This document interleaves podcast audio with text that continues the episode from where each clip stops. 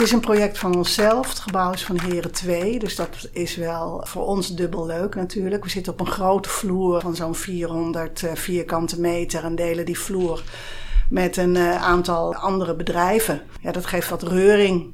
Mensen om je heen, ook mensen die met uh, andere bedrijven bezig zijn, andere bedrijven hebben, andere interesses hebben, maar wel veel creatieve. Dus veel creatieve mensen om ons heen. En ik zie hier een heel rauw gebouw. Uh, hoe troffen jullie het aan toen jullie hier introkken? Ja, het, de Heren 2 uh, was van plan het gebouw te slopen. Die wilden nog kijken of ze voor een uh, paar jaar een deel in ieder geval uh, ervan konden verhuren.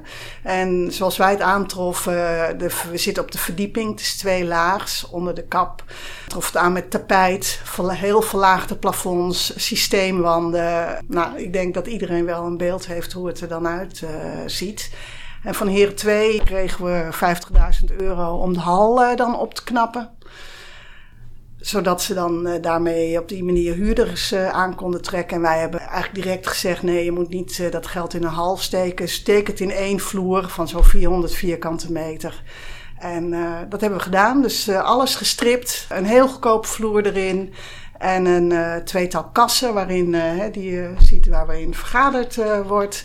En een uh, grote keuken die je af kan sluiten met een schuifbuis. Zodat daar ook nog uh, kleine evenementen georganiseerd kunnen worden. Presentaties met ja. elkaar gegeten kan ja, worden. Eigenlijk een heel sfeervolle plek. Eigenlijk jammer dat die uh, ja, straks in de, in de vaart der volkeren toch zal moeten sneuvelen waarschijnlijk. Hè? Nou, dat gaat nog wel even duren, want het was wel een succes. Dus het werd heel snel verhuurd, die ene vloer. Ongeveer een kwart is dat van het gebouw, deze ene vloer.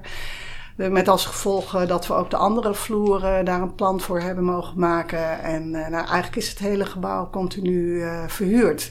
Dus ik denk dat ze wachten tot er op een bepaald moment de bedrijvigheid uit de havens West vertrokken is. Dat, want er is nu zogenaamd, hè, of niet hoegenaamd, is dus niet zogenaamd, geluidsoverlast op het terrein. En zodra die geluidsoverlast uit de haven weg is, zou Heren 2 het mogen ontwikkelen en dan mag er woningbouw gemaakt worden op het hele terrein. En ja. dan denk ik dat het gebouw gaat sneuvelen. Precies, als startpunt van Havenstad. Wie weet, ja. ja. precies. Uh, je hoort Monica Ketting van Ketting Huls. Mijn naam is Michiel van Rij, ik ben hoofdredacteur van Architect Web en ik spreek vandaag met de partners van Ketting Huls, Monica Ketting en Danielle Huls, over hun ontwerpbenadering, recente projecten in Amsterdam, Almere en Maastricht en het onderzoek dat ze momenteel doen naar fietsparkeren. Bij deze wil ik graag AGC bedanken voor het mede mogelijk maken van deze podcast. In de loop van deze aflevering spreek ik kort met Xavier Vlassen en Bassel Gloren uh, van AGC over de integratie van zonnecellen in glas. Uh, Danielle en Monica, uh, ik wil graag met jullie beginnen in Almere Oosterwold, waar jullie onlangs een woonproject uh, opleverden. het is een deel van Almere wat eigenlijk bedoeld is als een woonlandschap dat tussen stad en land in zit. Een soort overgangsgebied. Um, en bij de vele eensgezinswoningen die er nu staan, of eigenlijk zijn gerealiseerd, die, ja, zie je dat eigenlijk niet zo goed terug. Die, die, uh, dat zijn eigenlijk, het wordt eigenlijk een soort villa-wijk, maar dan veel wilder. En wat ik interessant vond, dat je het eigenlijk voor het eerst de aanzet daartoe zag van, uh, bij het project van Bureau Sla, hè, die daar eigenlijk een hele mooie rij uh, van woningen heeft gerealiseerd. En bij jullie project gaan jullie toch weer, eigenlijk nog weer een stap verder, wordt dat nog duidelijker echt een combinatie van wonen en boerenland. Welke vraag kregen jullie bij de start van dat project? Nou, er was geen vraag. Het is een uh, eigen initiatief. Wat we samen met Jorien van Santen, uh, is zij makelaar in Almere en die heeft leukehuizen.nl als bedrijf. Samen hadden we het idee, we waren allebei vrij goed uh, op de hoogte van uh, Oosterwold. Ik werkte destijds ook als uh, lid van de Commissie Ruimtekwaliteit in Almere.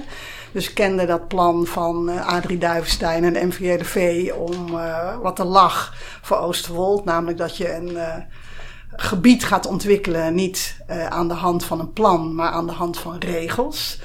En uh, het leek ons zo gaaf om uh, bij een boerenbedrijf een torentje te realiseren waar mensen konden wonen die dan gegarandeerd uitzicht hadden over dat hele land van de boer. Uh, zonder dat ze daar zelf per se veel werk aan zouden hebben. Ja. Want volgens mij ons eerste torentje was 12, 12 verdiepingen, 10 verdiepingen. Ja, Ja, Dus twee was- woningen per laag. Ja, Dus zo is het begonnen en eh, nou, dat leek ons al heel leuk. En eh plannetje voor getekend, maquette voor gemaakt. En eh, je praat erover met mensen. Een van die mensen was Simon Snoek van Pieters Bouwtechniek. En die zei, oh, dan moet je een keer met Bernlef de Vries van Vinkbouw over praten.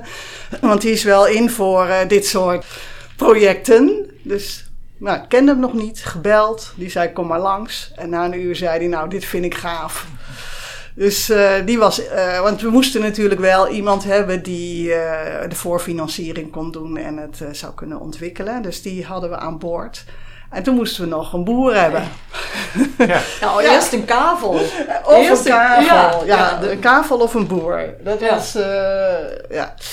En er zat een ja, ge- eh, gebiedsregisseur, Oosterwold, Esther Geuting, die eh, met veel mensen contact eh, had die daar met initiatieven kwamen. Dus als je een initi- initiatief had voor Oosterwold, kwam je eerst bij haar. En zij had al contact op een gegeven moment met Ton en Tineke Zaad, de stadsboeren van Almere. Die daar een landschapskavel kochten van 40 hectare. En eh, ja, als je in Oosterwold een landschapskavel koopt, koop je ook een bouwrecht voor eh, een bepaald woningbouwprogramma. Naast dat je ook eh, recht hebt om veel agrarische opstallen te maken, heb je dat ook. En ja, dat is in de prijs van het kavel verweven. Want het lukte ook eerst volgens mij financieel niet. Nee, om dus- het voor een normaal kavel, hè, wat alle anderen daar kopen, om, het daar, om daar een torentje op te bouwen, dat lukte financieel, redden we dat niet. Dus daarom was uiteindelijk, dan eh, werden we, Ja. hè, zei de gemeente, nou, misschien Ja. lukt het met een... Tom en Tineke. Ja. Dus we hadden wel een tweede partij nodig. Het kon niet zonder echt een boer die daar ook in ging investeren.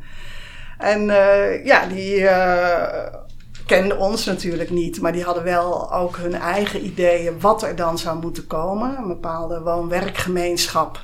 Eh, een aantal vrije kavels, een eigen koeienstal, eh, een winkel waar ze ook hun eigen producten konden verkopen en een appartementengebouwtje konden zich voorstellen, maar geen toren. Nee, exact. Want uiteindelijk is het een, eh, een lager gebouw geworden, wat dan eh, heel gedifferentieerd opgebouwd is.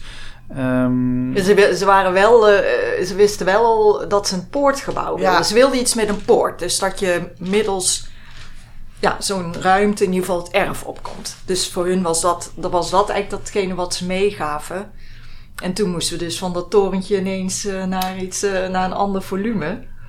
En eh, ja, dat is dan dat is wat, daar nu, wat daar nu staat dan. En, en kunnen jullie toe- toelichten, wat is dan de logica nu van, het, is een, het lijkt een soort bijna organisch ge- gegroeid geheel.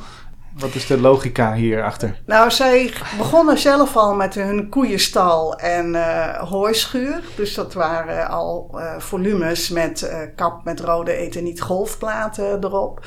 En aangezien het een, een echt een boerenerf zou moeten worden, een gemeenschapje, dachten we, ja, we moeten zien hoe wij daar op in gaan haken op die sfeer. Dus eh, een bepaalde kleinschaligheid zoeken.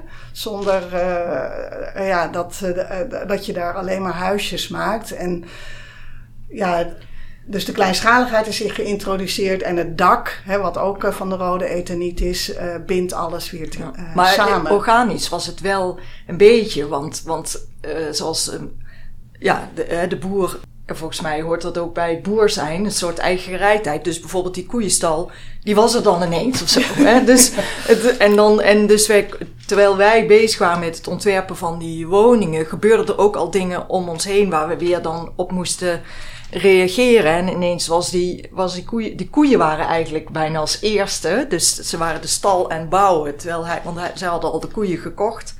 En, en toen was er dus ook dat rode dak en de rode schuur. En dus op die manier was het in het ontwerpproces wel ook organisch. Omdat we daar vervolgens weer eh, op moesten reageren. Ook qua, qua, eh, qua architectuur of in ieder geval eh, qua, qua dak. En we hebben wel allerlei andere kleuren ook geprobeerd. We waren wel van overtuigd, oké, dat dak, dat, dat, dat rijgt alles aan elkaar.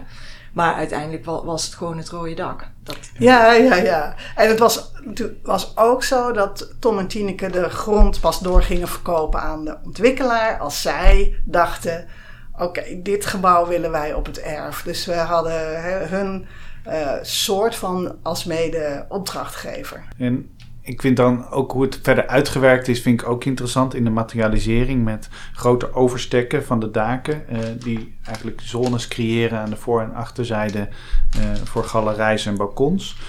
Met daaronder dan ja, eigenlijk een, een, een spel van uh, houten balken wat het samenbindt. En dat is dan ook echt een zoektocht geweest vanuit ja, het pragmatische van het boerenbedrijf. Hoe vertaal je dat dan naar een architectuur? Nou, zitten, we hadden wel die referenties aan het begin, omdat Oosterwolde is natuurlijk eigenlijk een soort pionier. En iedereen die daar gaat wonen, ja, je moet zorg dragen voor een heleboel aspecten, zoals het aanleggen van je weg. En uh, ja, daar, daar zit ook veel vrijheid aan, maar het heeft heel erg een pioniersgehalte. En daardoor kwamen voor ons die referenties van die Amerikaanse uh, pioniersboerderijen, weet je, met ook die ja, die, die kapvormen en uh, die zijn ook vaak rood en die, die zijn ook heel uh, bold en heel, uh, ja, die staan vrij stevig in het landschap.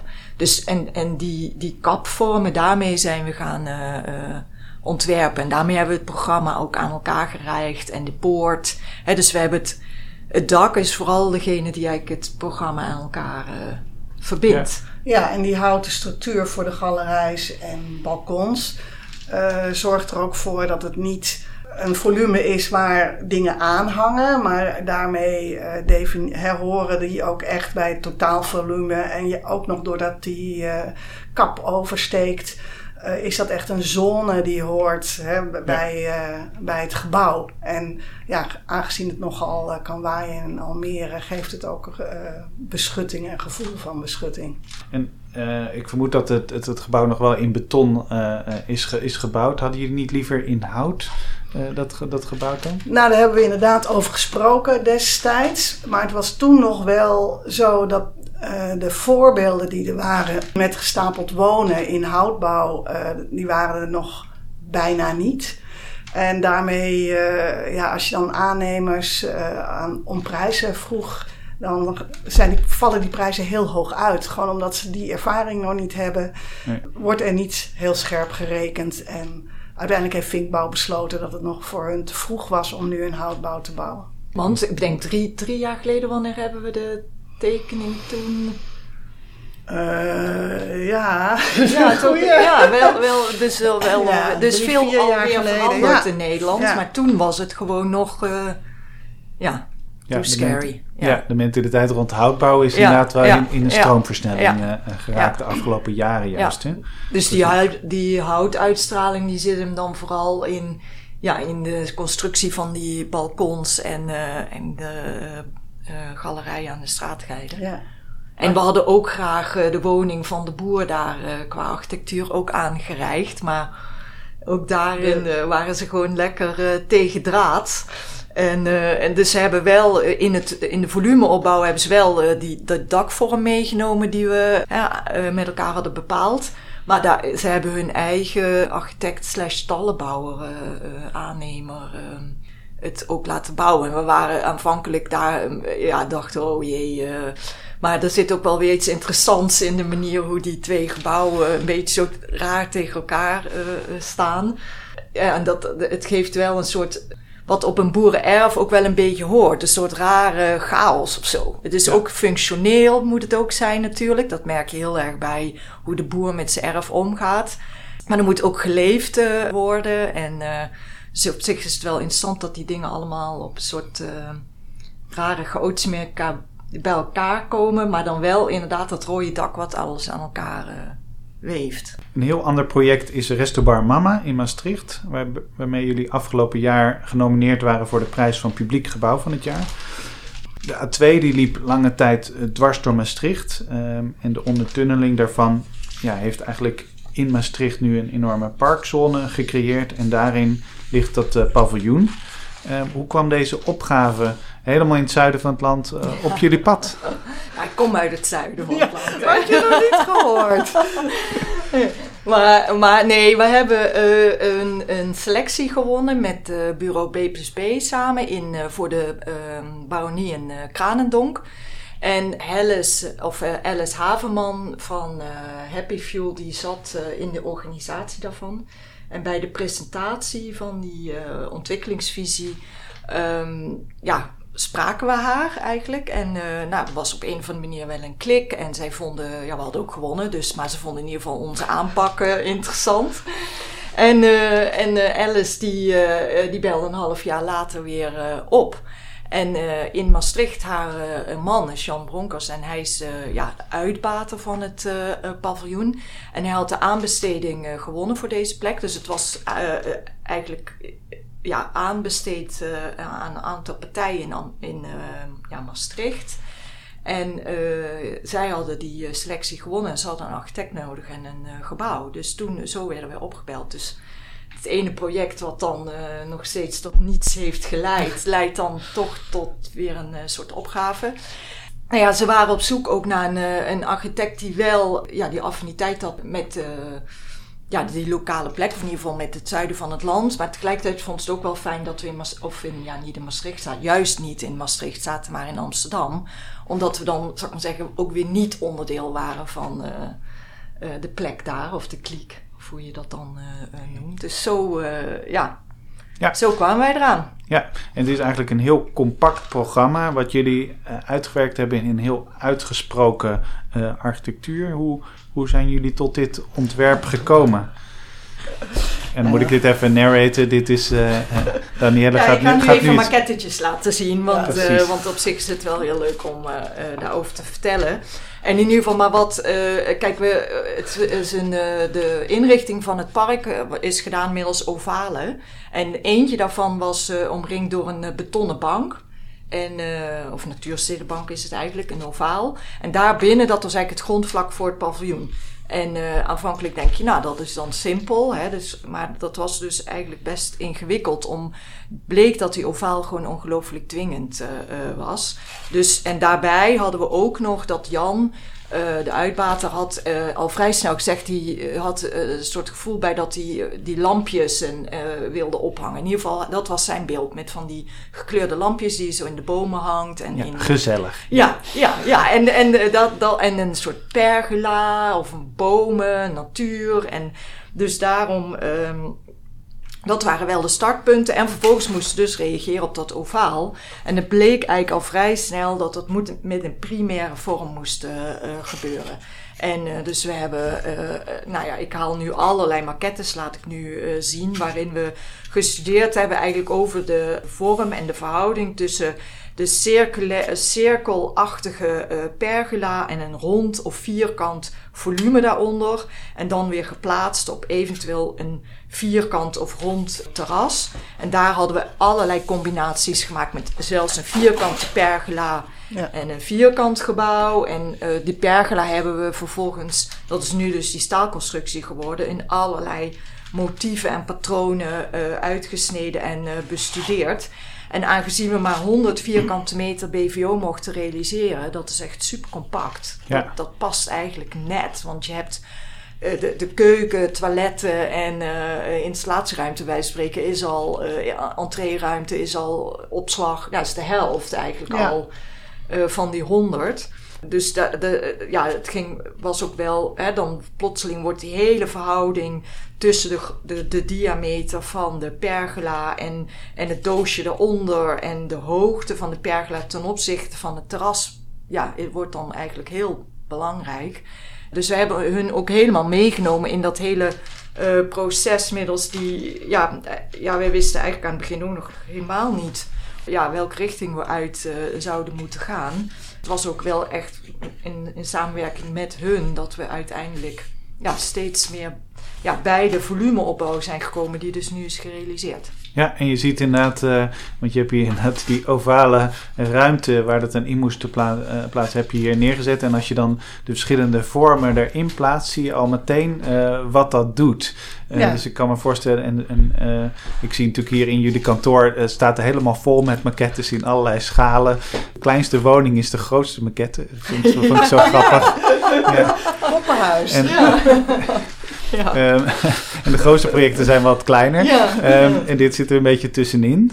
Maar dat geeft inderdaad wel een hele goede indruk. En het werkt natuurlijk waarschijnlijk, ja, het werkt met opdrachtgevers natuurlijk fantastisch. Ja. Eh, een directe manier van communiceren, hè, maquettes. Dat, is, dat Nou, blijft, ik blijft, denk- toch ook, eh, blijft toch altijd een heel succes. eh, Ja, ik denk dat verhaal. dat gewoon het, het communicatiemiddel is wat iedereen begrijpt. En, je, en wat natuurlijk iedereen leuk vindt, is dat je het kan vastpakken.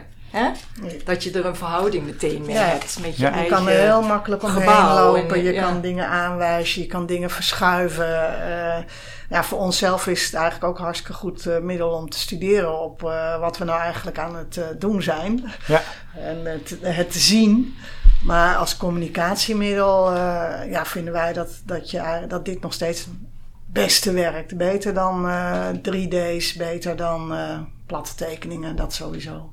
En hier heb je nu een, een ronde vorm ingezet. Ja. En dan, ga je, ja, dan zie je al meteen dat je eigenlijk alleen maar om het. Ja, dat je, dat je geen, eh, geen voor- en achterkant meer hebt. Hè? Ja. Nee. ja. Het is een soort alzijdigheid krijg je dan. Ja. Ja.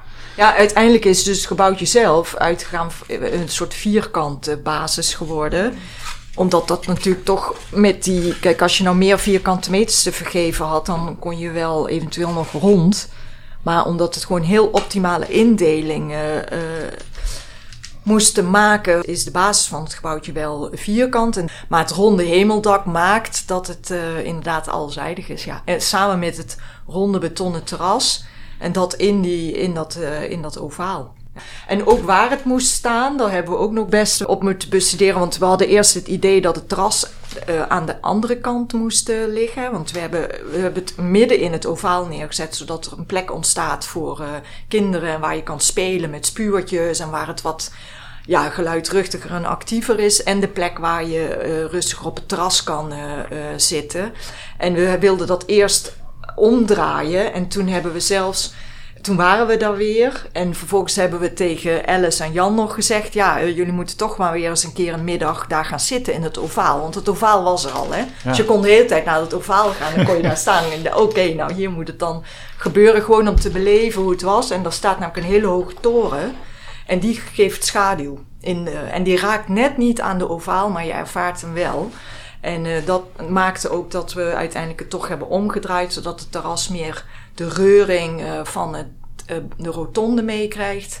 En eh, de spuurtjes waar de kinderen spelen dichter bij een soort speeldinosaurus ligt en in de, in, meer in de luwte eh, richting die toren. Ja. Dus eh, ja. En dan vervolgens hebben jullie, hè, dan heb je die hoofdvorm, hebben jullie ook voor een hele, ja, hele uitgesproken keuzes gemaakt wat betreft de materialisering. Voor de buitenwanden, als ik het in- interpreteer, zijn dat keramische blokken die je eigenlijk normaal eh, eh, binnen gebruikt en niet ziet. Eh, maar jullie hebben hem als, als gevel gebruikt, waarbij dan de binnen, de ruwe binnenzijde Ja. van, die, van die blokken ook de, de ruwe binnenkant van dat interieur eigenlijk een karakter geeft. En wat ik leuk vind is dat dat dan aan de ene kant zie je natuurlijk dat de rauwe, dat is heel erg in de mode in de, in de horeca. En, en jullie hebben dan met, door deze keuze er toch weer een hele eigen draai, eigen tijdse draai aangegeven. Ja, maar en eh, die blok buiten, dat, eh, dat was nog wel eh, wat. Dus die, die, wat we eigenlijk inderdaad wilden, is wat jij nu zegt. Maar dat is het uiteindelijk niet geworden, want de blok aan de buitenkant is wel echt een gevel eh terracotta blok. Maar het was, eh, dat, eh, we waren er wel snel over uit dat het die grote afmeting moest hebben, omdat er dan een soort rare verhouding ontstaat eigenlijk in dat eh, gebouw. En waardoor het ja, met die schaal eigenlijk speelt. Maar het was heel ingewikkeld om zo'n grote blok te vinden. Vooral omdat we maar een paar stenen nodig hadden. En heel veel leveranciers, we konden ze wel krijgen in Duitsland, maar die wilden eh, dat, ja, voor zo'n kleine hoeveelheid krijg, ja, gaan ze gewoon niet over voor je aanzetten, zou ik maar zeggen. En we, wilden, we hebben ook nog gezocht naar natuursteen, maar dat vonden we totaal idioot om dat eh, uit India te laten komen. En er waren wel eh, voor stallenbouw gebruiken ze dit soort grote blokken, maar die waren het jaar daarvoor zo ongeveer uit de productie gehaald.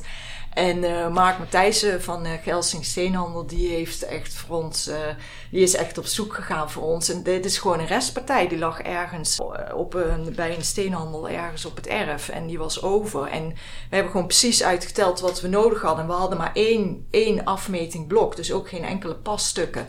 Dus we hebben een heel patroon uitgezaagd en uitgetekend om met die ene steen dat eh, dat ja, voor elkaar te krijgen waar het raam moest. werk. Ja. Ja, en eh, waar het bankje moest. En dan, dan had je natuurlijk aan de binnenzijde een andere steen die we in het zicht wilden houden, die een andere afmeting had.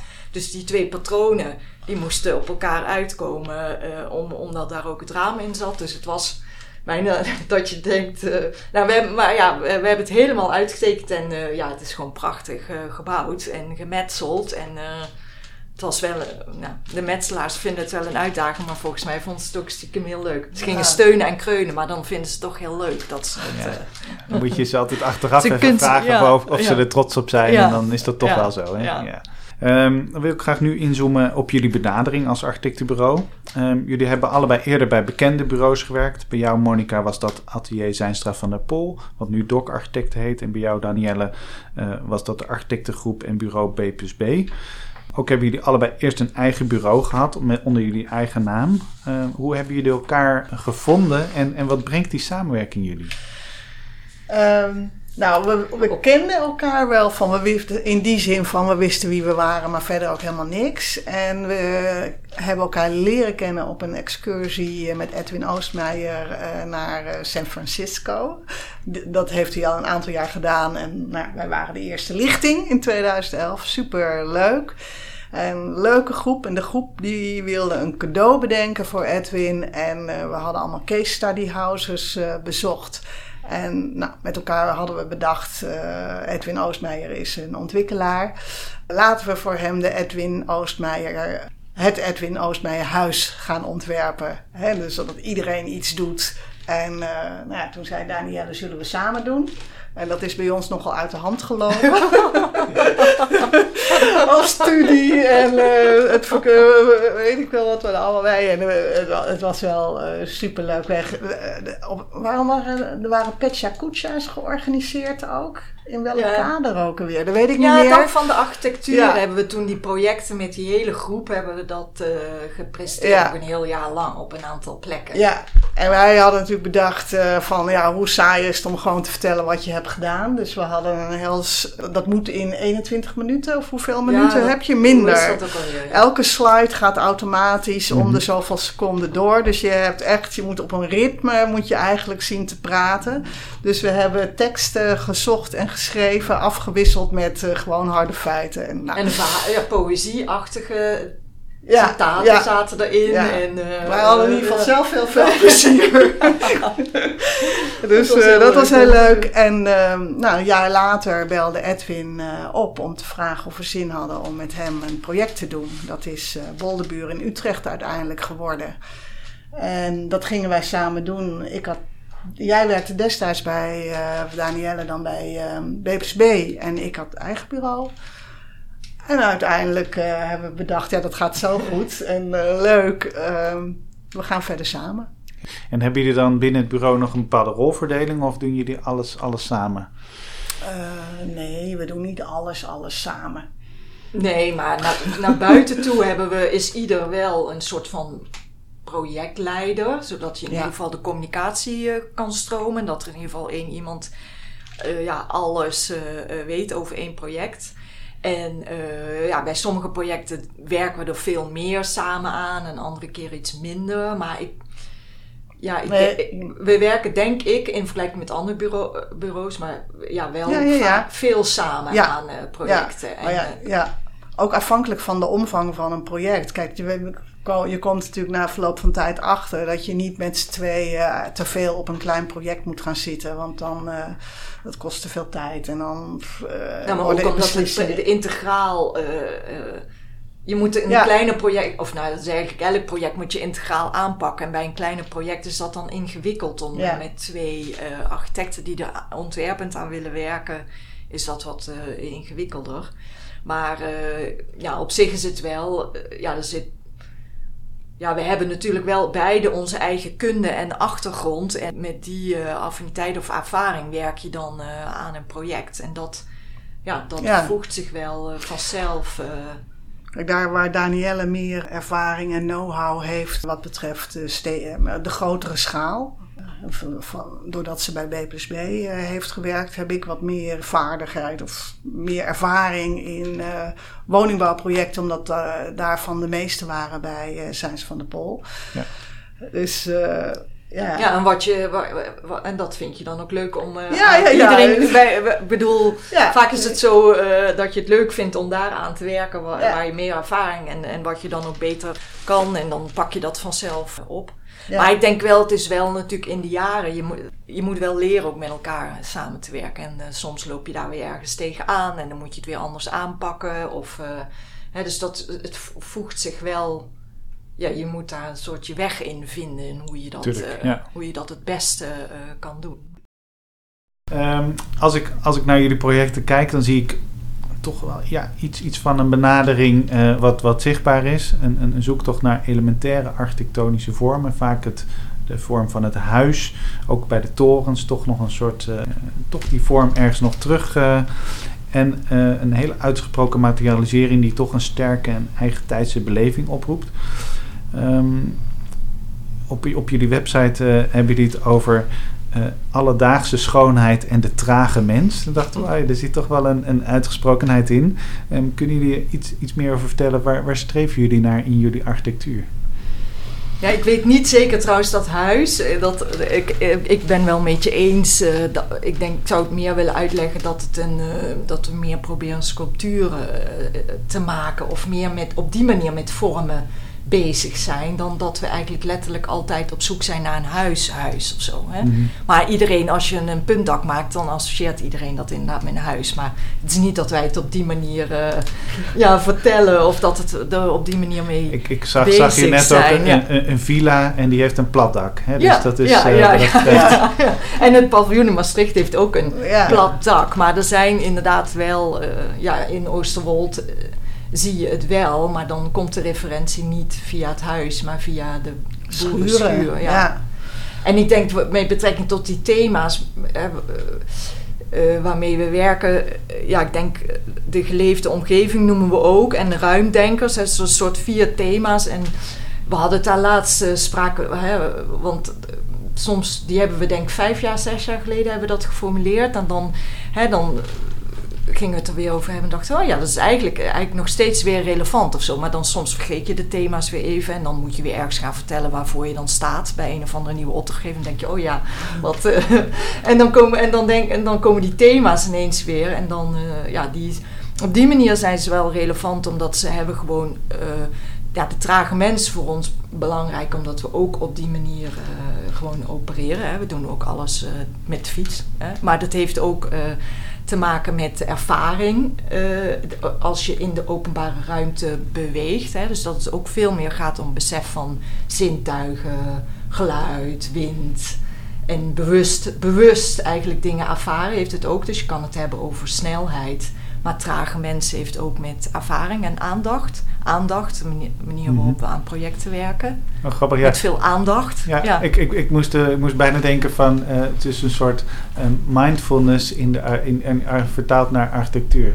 Ja, ja, Het klinkt dan een beetje misschien verkeerd, maar dat geeft wel een beetje in, in het nu kunnen leven en, de, en, de, en het werkelijk ervaren en, en niet er doorheen racen. Zeg maar. Ja, maar wat soms best ingewikkeld is, want je kan jezelf wel gek maken.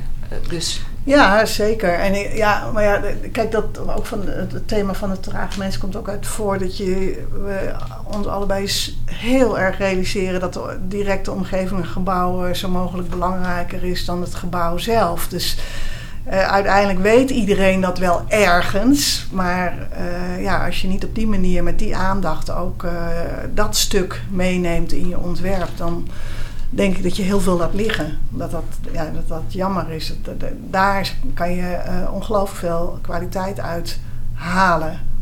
Ja. Mensen, ja, dan die term ruimdenkers. Ja, ik gebruik het niet.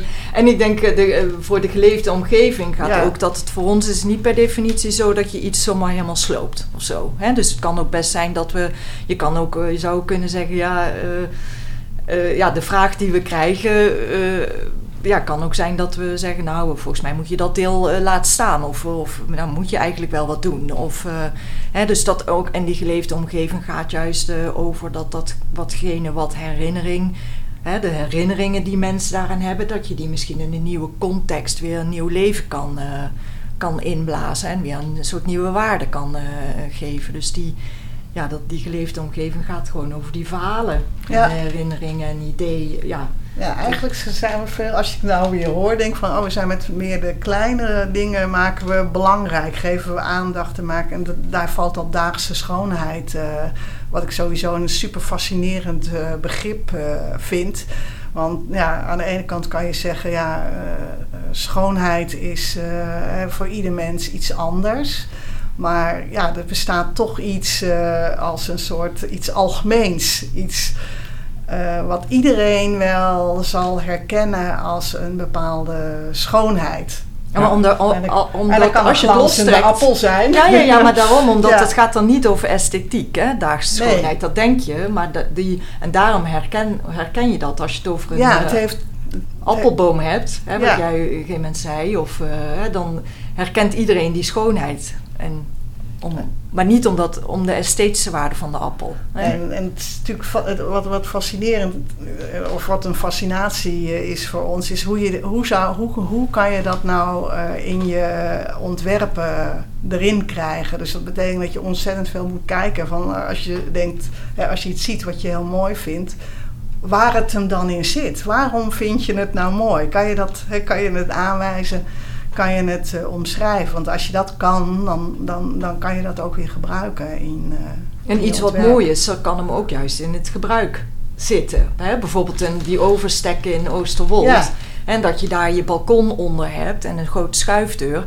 Hè, dat betekent gewoon dat je, ook al regent het en het is een beetje warm, dat je gewoon wel buiten kan zitten. Hè? Dus dat, op die manier is dat eigenlijk ook schoonheid. Ja. Ja. Dus wij maken niet eh, van die eh, enorme. eh, dat zullen wij niet zo snel. Nee. Nee, niet meer. misschien, ja. Ik zie hier ook de- geen, geen, geen pixelachtige eh, maquettes eh, om me heen staan. Nee. Dat, zo zit het hier niet. Nee. afgelopen periode is veel aandacht geweest voor de positie van vrouwelijke architecten. Ehm, en het is denk ik, ja, wordt, wordt denk ik wel breed duidelijk dat in de architectuurgeschiedenis het een en ander rechtgezet moet worden op dit vlak. Ehm, en dat sommige van onze helden, zoals Le Corbusier, las ik een artikel over, toch eigenlijk enorme seksisten waren.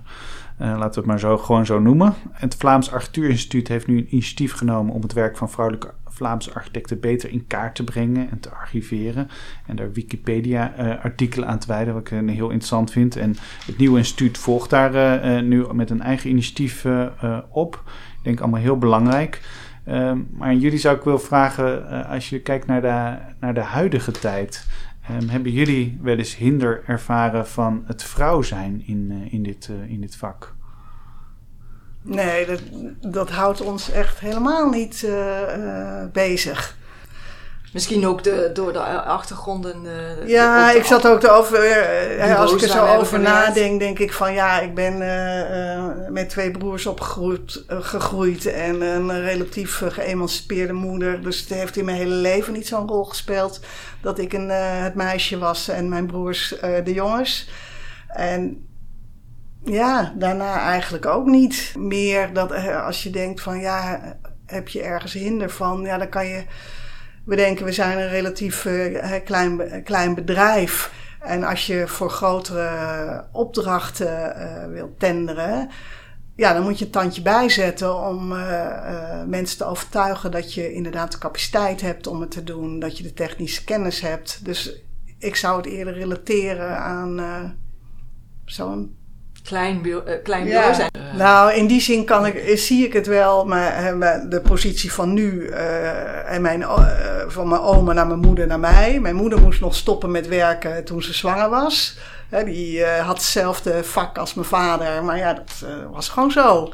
Dus het feit dat ik nu eh, en me- een, eh, een ge- een gezin kan hebben en eh, een eigen, ook eigen bedrijf dat, dat zie ik wel als een enorme ja, eh, stap in eh, de emancipatie van vrouwen. En eh, boeiend Ja. dat dat zo snel verandert. We gaan er kort tussenuit voor een gesprek met Xavier Vlassen en Basso Gloren van AGC over de integratie van zonnecellen in glas. Xavier and Basel, uh, great to have you on the show. Um, can you shortly introduce yourselves? What are your roles within AGC? Uh, my name is Basel. I am the sales director of Active Glass business unit at AGC. And with me, I have my colleague Xavier Flas, who is responsible for the whole European market, including the Dutch market. So, as Active Glass business unit, our role at AGC is to provide the market with active facade solutions because we believe that facades are not limited just to wrap up buildings, they also have other functionalities. So today, in our current range of solutions, we have uh, glass LED that turn the facade into a display screen to communicate with the city. We also have smart skin that uh, convert the facade into a skin between inside and the outside of the building, reducing the energy consumption and increasing the comfort of the people inside the building. And of course, we have Sunnywatt that harvest the energy from the sun to provide electricity to the building, allowing it to be more autonomous. The, the most applied photovoltaic glass uh, currently is the glass with these rectangle bluish PV cells integrated in them. I think everybody knows these. And uh, this product is interesting because it simultaneously uh, harvests energy uh, from the sun and reduces the daylight entering. Um, at AGC, you call this vision square, and it seems like a very logical first step uh, uh, for this technology. Um, but what other kinds of photovoltaic glass does AGC provide? Well, next to the Vision Square, we also have Vision Stripes, so it's also to be applied on the transparent vision panels. But it brings more transparency than the square, and aesthetically, it is uh, more appreciated. Now we have a whole, whole other range of solutions that are opaque. So we hide the cells and we take profit of all cladding and spandrels area. And it answers uh, to the request of aesthetics from the architects. Um, I see that uh, like an emerging trend that uh, the closed parts of the facades are also used uh, uh, to integrate PV cells. Uh, do you agree with that? Yeah, sure, Mikkel. I, I, agree with you. Things are, are clearly moving regarding the, the function uh, of the of the building and, the, and, its efficiency. And the Netherlands is sometimes showing um, to other countries the path to take. Next year, you know it, all the new building in the Netherlands will have to be nearly zero energy building. This implies, of course, that the architects and the engineer office are already working on leading edge energy saving solutions. But this will be not enough in living city where the comfort always increases we need to find a new source of green energy. We could, of course, add some solar panel on the roof, but there is often a lack of space, and a sunny terrace with a sky bar is, is so pleasant. It's why today the best way to achieve a BREEAM or any other energy performance label is indeed to turn the non-active opaque part of the building into an energy production surface. I mean spandrel, for instance. Now that super aesthetic solutions exist, why do not turn a center of cost into a center of green profits?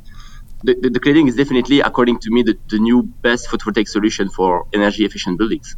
Yeah, and and is there a, a, a, project you are currently working on or involved in uh, in this regard?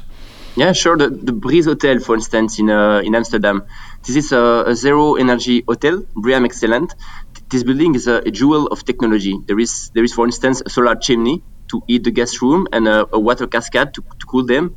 And all the south, east, and west facade are dressed with AGC Sunnywatt black glazing. They, they have created an hotel concept of eco luxury where the nature feed the building in cold, heat, and electricity without sacrificing luxury and guest experiences. I, I also invite you to, to Google it. The, the, building looks amazing with a modern look. It's, it's, clearly a typical example of my vision of the building of tomorrow. Energy efficient, but without any compromise on the aesthetic or comfort. And by the way, there is also a rooftop bar to enjoy the sea view. That sounds great uh, for, for, for the times after Corona. I suppose uh, we, we will enjoy that uh, uh more. Then uh, the dream for lots of architects, I suppose, is that they can design highly trans transparent buildings in which the glass invisibly uh, collects the energy from the sun. Um, will this ever re be really feasible? You think? Um, and what kind of time frame are we talking about then? Uh, yes, uh, these are solutions that are certainly the ultimate solution for the vision part, and AGC is working very actively on these solutions. But I think there is still a long way to go before reaching the balance between the total transparency, uh, decent efficiency, and reasonable cost. So I don't know exactly how many years, but uh, for sure several years from now. Now, this being said, uh, these solutions uh, they will be added to the OPAC solutions. I don't think they will replace them, but it will be added to the uh, cladding and spandrels to increase the efficiency. Uh, thanks, Xavier and Basel. Uh, more information about building integrated photovoltaic glass can be found on the website agc-activeglass.com. We zijn weer terug bij ons gesprek met Monica Ketting en Danielle Huls van Ketting Huls. Um, ik noemde het net al, als, jullie, als bureau werken jullie aan heel verschillende opgaves. En we hebben het gehad over woningbouw, over horeca, over jullie benadering. Maar jullie werken ook aan een heel groot kantorenproject in Over Amstel. En de locatie daarvan ligt vanaf de A10 gezien schuin tegenover het hoofdkantoor van G-Star. Ik denk dat dan mensen een beetje een idee hebben van de plek. Ja. En bij dat project werken jullie samen met Architectenpro Quadrant 4. Um, welke vragen kregen jullie hier uh, van de opdrachtgever? We zijn er al, al vijf jaar uh, bij betrokken. En uh, dus dat, dat uh, was echt al, al voordat kwadrant 4 er eigenlijk weer bij kwam, ook samen met ons.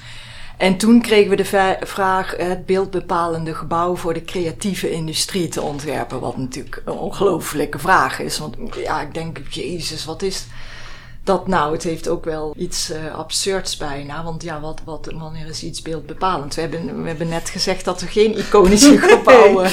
nee, nee, en de, de werktitel van de opdracht, vanuit de opdrachtgever was Metropolis. Ja, dus dat was, ja. was wel iets van... Uh, en nu? Na vijf jaar, nu tussen is het niet meer uh, volledig werken. En het is nu, het, de hele ontwikkeling zou gerealiseerd worden in twee fasen. Waarbij de eerste fase wel, dat is langs, langs de ring, uh, binnen het huidige bestemmingsplan, waarschijnlijk met een verruiming of een wijzigingsplan zou worden gerealiseerd. Waardoor er naar 45 meter kan worden gebouwd. Dus dat wordt wel echt een werkgebouw.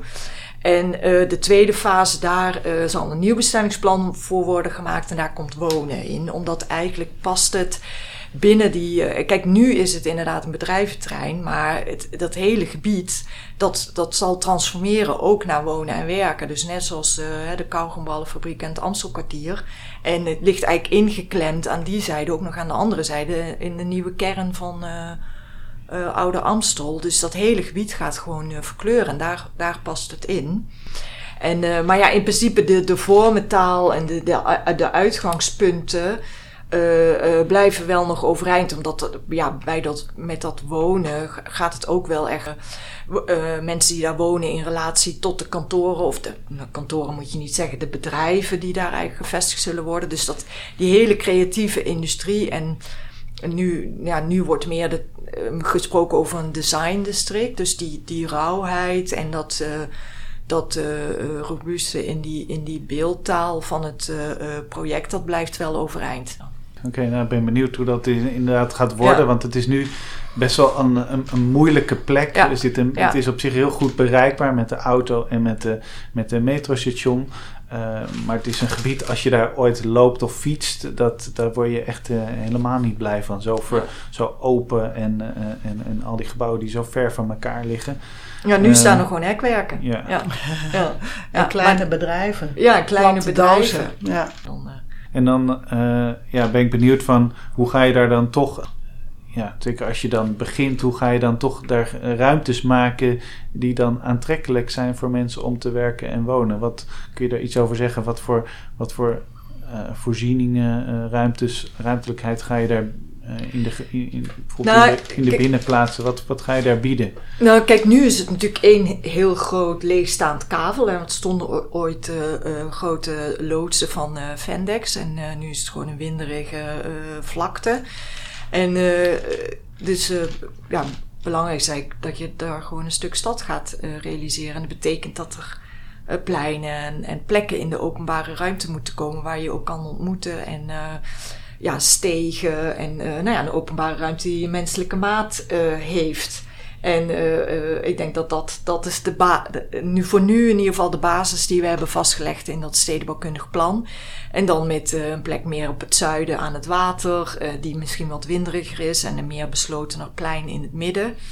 En, uh, en wat we nu ook vast hebben gelegd is die stapeling van volumes en dakvorm. Ja, en wat betreft de, de werkgebouwen, uh, heb je het dan over van ja, toch een beetje dat, dat de rauwe uitstraling die uh, creatieve bedrijven aantrekkelijk vinden. Kijk, we zitten hier bij jullie, zit je precies ook in zo'n zo'n rauw pand, houten, houten, houten plafond, mooi spanten. Hoe, hoe ga je dat in, in nieuwbouw uh, uh, toch, toch, toch een, nou, terug ja, laten komen zonder dat dat dan ja, gemaakt overkomt. Ja, dat, dat moet natuurlijk inderdaad voorkomen dat een soort Disneyficatie wordt. Maar Zoals ik denk, die rouw, ik, kijk, er zullen gewoon een soort casco-achtige, in basis een casco worden gerealiseerd, waar natuurlijk elk bedrijf uh, zijn eigen invulling aan uh, kan geven. Ja, en, en sommige mensen willen dat authentieker doen dan anderen. Maar ik denk de, de, de, de, creatieve, de vertaling zit hem ook juist in de ontmoetingsplekken voor alle bedrijven. Dus door het gebouw heen zitten binnentuinen, patio's, daktuinen. Hè, zitten een soort ontmoetingsplekken waar al die bedrijven elkaar uh, kunnen tegenkomen. En waar uh, in combinatie met cafés of een yogaruimte of uh, een, een, een, grote vergaderzaal, annex bibliotheek. Dus die. Tuinen. Die, ja, op ja. verdiepingen. Ja. ja. en ik denk ook dat we, daar hebben we het wel veel dan over, dat je een soort overmaat kan geven. Dat is waar iedereen natuurlijk ontzettend blij van wordt. Eh, dat je eh, een eh, extra verdiepingshoogte geeft of een dubbele verdiepingshoogte. Dat mensen later altijd nog wel weer een vloer erin kunnen leggen. Maar dat je ja, dan liever casco afgewerkt en dat soort ruimtes ook kunnen realiseren. Ik denk dat daar de creatieve industrie heel gevoelig voor is. Dan dat je alles uh, netjes afwerkt en uh, dat je afgepast een maatkostuum krijgt waar, waar je net ja. in. Precies, misschien een, een vleugje lacaton van zal ja. erin brengen. Ja. ja. Misschien. Ja. Wie weet.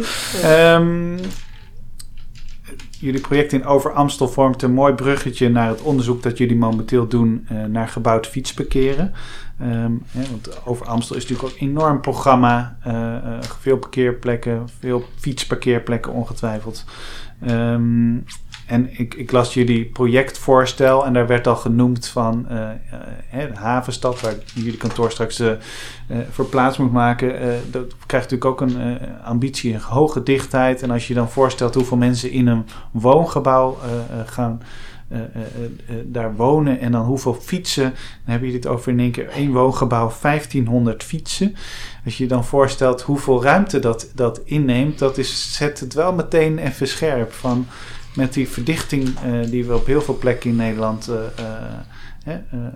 vormgeven, ja, ontstaat er enorme opgave in, in het fietsbekeer. En hoe, ja, hoe, kunnen jullie wat vertellen over het onderzoek wat jullie momenteel doen en wat jullie hopen te bereiken? Nou, het is begonnen dat we een, uh, een, uh, aan een prijsvraag meewerkten, ook weer met Edwin Oosmeijer, toevallig. Uh, en het moest natuurlijk snel en op het laatst moesten we ook nog de fietsstalling erin tekenen. En toen dachten we, hola, zoveel fietsen. En, en daarnaast waren we zijn we aardig geïnformeerd over Havenstad en wat daar de plannen zijn en welke dichtheden daar zullen komen. Dus de vraag rees, want gaat daar dan uh, wel niet aan fietsstalling gerealiseerd moeten worden in die woongebouwen? Dus daar zijn wij aan over begonnen te denken en praten en rekensommetjes maken. En ja, je ziet dus bij stations wel dat daar een enorme verandering heeft plaatsgevonden en prachtige openbare fietsstallingen worden gerealiseerd. Maar bij grote woon-werkgebouwen um, lukt dat nog niet, laat ik het zo maar zeggen. Er worden wel wat pogingen gedaan. Want in Amsterdam heb je nu de bouwbrief, hè, dat je niet meer de individuele berging hoeft te maken voor iedere woning. Want we hebben een periode gehad dat de hele plinten vol stonden met uh, bergingen voor de mensen die erboven woonden. Wat niet. Uh, goed is voor de openbare ruimte. Dit moet anders kunnen. Het moet een soort extra kwaliteit kunnen genereren in die grotere woon-werkgebouwen. En hoe zou je dat kunnen doen? Wat is er voor nodig om mensen een verdieping hoger of een verdieping lager uh, te krijgen met hun fiets? Wanneer gaan ze dat doen? Want zolang het nog mogelijk is om je fiets in de openbare ruimte neer te zetten, zullen mensen wel echt verleid moeten worden uh, om dat te gaan doen. Want anders, uh, nou we weten het allemaal, je zet je fiets gewoon tegen een lantaarnpaal. Want hè, de, nog steeds is de uitvraag heel regelmatig zo dat de fietsstalling gewoon op de begane grond geplaatst mag worden. Omdat dat het makkelijkst is en dan wordt de stalling het meest gebruikt. Maar als je uitzet hoeveel uh, je van de plint kwijt bent aan fietsstalling op zo'n moment, al maak je hem heel mooi, dan hou je nog maar heel weinig programma over voor wonen, werken, winkels. En nou, dat kan niet de bedoeling zijn uh, nee. straks voor Havenstad. Nee. Ja, en ook omdat, kijk, die, die, die FSC's, die dichtheden van die blokken, daar, die gaan nu echt, die zitten tussen de 5 à 10. Hè? dat is, uh, en, en uh, we hebben op een manier het gevoel dat, dat uh, nog niet echt een besef is over de aantallen hè, en, en hoeveel ruimte de aantallen in beslag gaan nemen. Want het zijn natuurlijk ook nu niet meer gewoon de fietsfiets zoals we ze kennen, maar de kratfiets, de bakfiets, de elektrische fiets, de elektrische, scooter. scooter. er zijn zoveel. Hè. Je ziet nu ook die soort fietsen, elektrische fietsen die een beetje op een brommer lijken. En nou, die nemen ook zoveel me malen meer ruimte uh, in dat we nu in onze eerste modellen al merken dat je op 1,7 uitkomt per hè, uh, vierkante meter per tweewieler. Wat je nodig hebt. Dus, hè, dus ja. dat is dan uh, voor 1500 fietsen is dat gigantisch. En we merken gewoon dat, dat we toch nu al halverwege onze onderzoek tegenaan lopen dat eigenlijk iedereen. Hè, want we, we, we doen dit, nou we zijn nu denk ik half jaar. We hebben best aan moeten trekken ook. Maar uh, we doen het nu uh, met subsidie van het Stimuleringsfonds hè, voor de creatieve industrie. Die, daar, die hebben een behoorlijke bijdrage gedaan. En Tour de Force en de gemeente Amsterdam en Utrecht. Dus He, iedereen ziet daar wel het belang van, maar waar we tegenaan lopen is dat toch heel makkelijk wordt gezegd: doe alles maar weer in de plint. Wat natuurlijk heel raar is, omdat bij elk stedenbouwkundig plan uh, is het heel logisch dat je het fiets, uh, de bergingen en het autoparkeren niet meer in de plint realiseert. Ik bedoel nee. dat al die Nahoorderse wijken zijn we er ook wel achter gekomen dat dat niet meer kan. Dus het is heel raar dat nu ineens heel makkelijk wordt gezegd, nou dan doen we die fietsen ineens wel in de plint weer. Hè? Dus dat, dat is al raar. En ook omdat het toch nog wordt gezien als een berging. Hè? dan stoppen we de fietsen, dus toch iets functioneels. Dus dat stop je dan maar in de berging. En dat is dan... doen we andere functies zo, leggen ja, eromheen. Ja, die ja. zitten dan, hebben uitstraling uh, naar de openbare ruimte toe. En dan hebben we het mooi opgelost. Ja, Terwijl wij, wij denken dat juist uh, die fiets veel meer onderdeel kan zijn van het wonen en werken in zo'n blok. En dat, en dat daar uh, die kwaliteitsslag valt te behalen. Dus dat die gewoon onderdeel is van het binnenkomen, van de service die je biedt in een blok en van, ja. hè, van de ontvangstruimte. En het niet wegstoppen in een, in een, in een berging. ja, en de logistiek, de logistiek van het thuiskomen noemen we ja. het ook wel eens. Ja. Hè? Hoe kom je nou thuis? Je, je pakt je post of je, waar is je pakketje? Je gaat misschien naar boven, je zet je fiets en je moet eigenlijk in één streep verder kunnen. Daar naar je lift, waar je omhoog gaat, waar je appartement is. Je komt eh, van je huis eh, met je vuilniszak. Je wil eigenlijk je vuilniszak eerst kwijt voordat je je fiets pakt. Daarna ga je naar buiten en fiets je weg. Uh, en dus dat middel, soort ja. onderdelen zijn we aan het kijken. Ja, Hoe krijg je dat nou vertaald ja, in een ontwerp, mooie ruimte. En dan he, moet het ook prettige ruimte, uitzicht hebben, licht. En deze oplossingen moeten ja, tot gevolg hebben dat je veel meer vrijere plinten hebt. En uh, veel meer ruimte ook voor groen, mooie openbare ruimtes kan maken. Doordat mensen hun fiets dan... Uh, ja, op, dus ja, we willen gewoon met onze voor, voorbeelden en onze uh, ontwerpen laten zien dat het wel op plus 1 moet kunnen of min 1. En voor een groot deel in ieder geval wel, omdat het. Uh, ja, dus wij vinden in ieder geval heel raar dat het zo makkelijk. Kijk, iedereen snap, we beseffen ook wel dat het natuurlijk een, dat het iedereen het heel makkelijk vindt om op maaiveld zo naar, hè, dat dat de kans dat mensen de fiets daar parkeren, uh, is natuurlijk het grootst. Maar kijk, bij de, dat heeft ook bij de stations een kentering plaatsgevonden. Dat zet je, hè, dat, nu is dat ook, je gaat daar ook naar binnen, je bent ook daar gewend een niveauverschil te overbruggen. En natuurlijk zit er een verschil tussen een publieke stalling bij het station en bij een woongebouw. Maar ook daar, in die, in die nieuwe woonwijken met die ongelooflijke hoge dichtheden, moet daar, moeten we daar gewoon ook op een andere manier mee leren omgaan.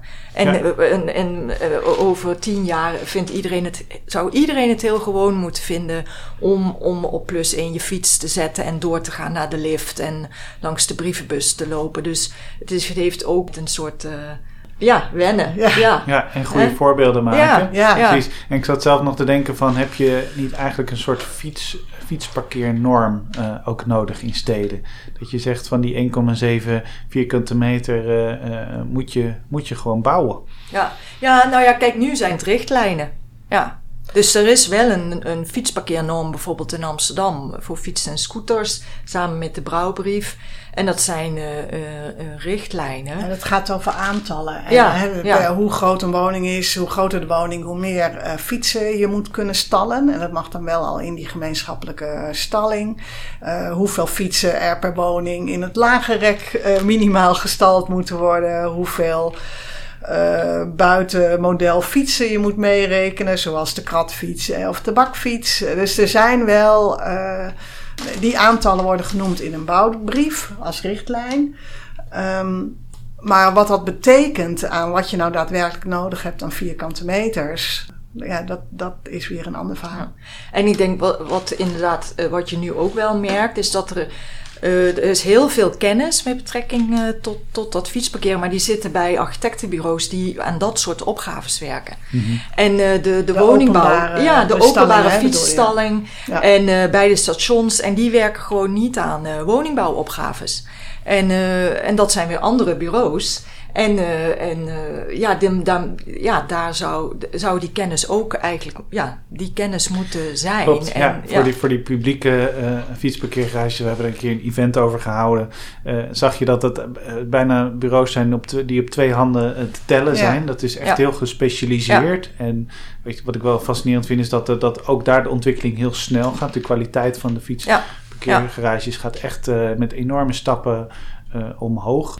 En inderdaad, de volgende stap is om dat in, ook in het wonen een grote plek. Ik zat ook zelf na te denken over voorbeelden. En een van de betere vind ik het Hyperion hier in Amsterdam Noord. Waarbij eigenlijk leerlingen via een hellingbaan naar de min 1 uh, eh, rijden met de fiets. Uh, daar fiets parkeren en dan eigenlijk met een fide. Die fide uh, ja. weer verbonden is aan, aan eigenlijk die gestapelde school. Hè? En ja. dat zit ook in een heel, heel ja, hoge dichtheidsstuk van, van Amsterdam. Hè? De strip achter de Adamtoren. Maar ik dacht wel van ja, zo kun je dat dus wel echt. Uh, in, het, kan, het, ja. het, het, is heel goed mogelijk. En als je het goed ontwerpt, kan je het ook heel aantrekkelijk maken.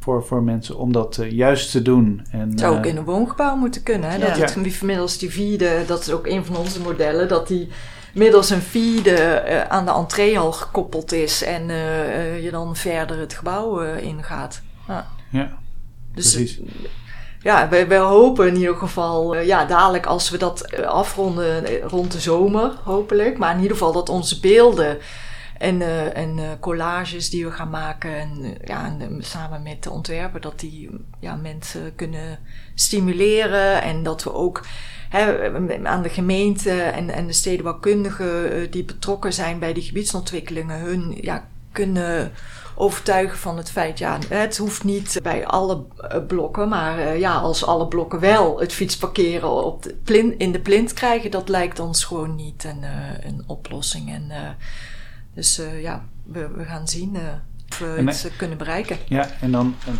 een, een, heel concreet ding wat daar nu natuurlijk speelt, is van wat, wat ik zelf heel vaak hinderlijk heb ervaren, is, is, is een hele zware deur of een dubbele deur waar je dan met je fiets doorheen moet wurmen. Uh, wat, wat voor, uh, waardoor je, dat is zo'n barrière dat je op een gegeven moment liever op, op straat ja. parkeert. Uh, ik heb meegemaakt bijvoorbeeld op Eiburg toen ik daar woonde. Um, hoe, hoe, ja, wat voor manieren zijn daar om dat, om, om, om dat ja. op te lossen? Nou ja, wij hebben nu elektrische schuifdeuren. Groot ook, hè? niet één klein deurtje, maar echt uh, een grote glazen elektrische schuifpui. Die van afstand met een tag uh, open zou moeten kunnen. Je hebt al uh, van die kattendingetjes waar die een kattenluikje ja, door dus, dus. Dus, ja. ja, dus zonder dat je hem over een stripje, magneetstripje hoeft te halen. Het moet van een afstand kunnen, want anders moet je, sta je met je fiets te hannissen en moet je daar naast de deur en dan moet je...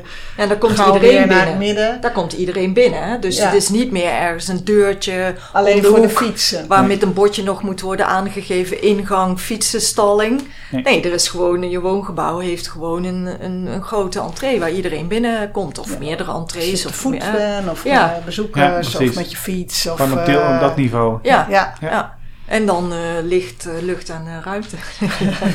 nee, ja. gewoon goed, goed binnenkomen. Je kan het. Ja. Kijk, nu merk je in woongebouwen zit er ook die ruimte, vooral bij het binnenkomen van de woning, in die entreehallen. Daar zit ook ruimte om ook iets vaak te doen. En als je dat ook koppelt aan het binnenkomen voor, voor de ingang naar je fietsenstalling, dan is dat in ieder geval een, een goede insteek. Ja, ja mooi. Nou, heel benieuwd uh, uh, wat, het, uh, wat het gaat opleveren. Nou, het lijkt me ook mooi om dat, als dat kan, via ArchitectWeb ook bekend te maken, te verspreiden. Dankjewel, Danielle en Monica, voor dit gesprek. Ja. Dank aan AGC voor het mede mogelijk maken van deze podcast. Dank aan jullie voor het luisteren. Tot de volgende keer.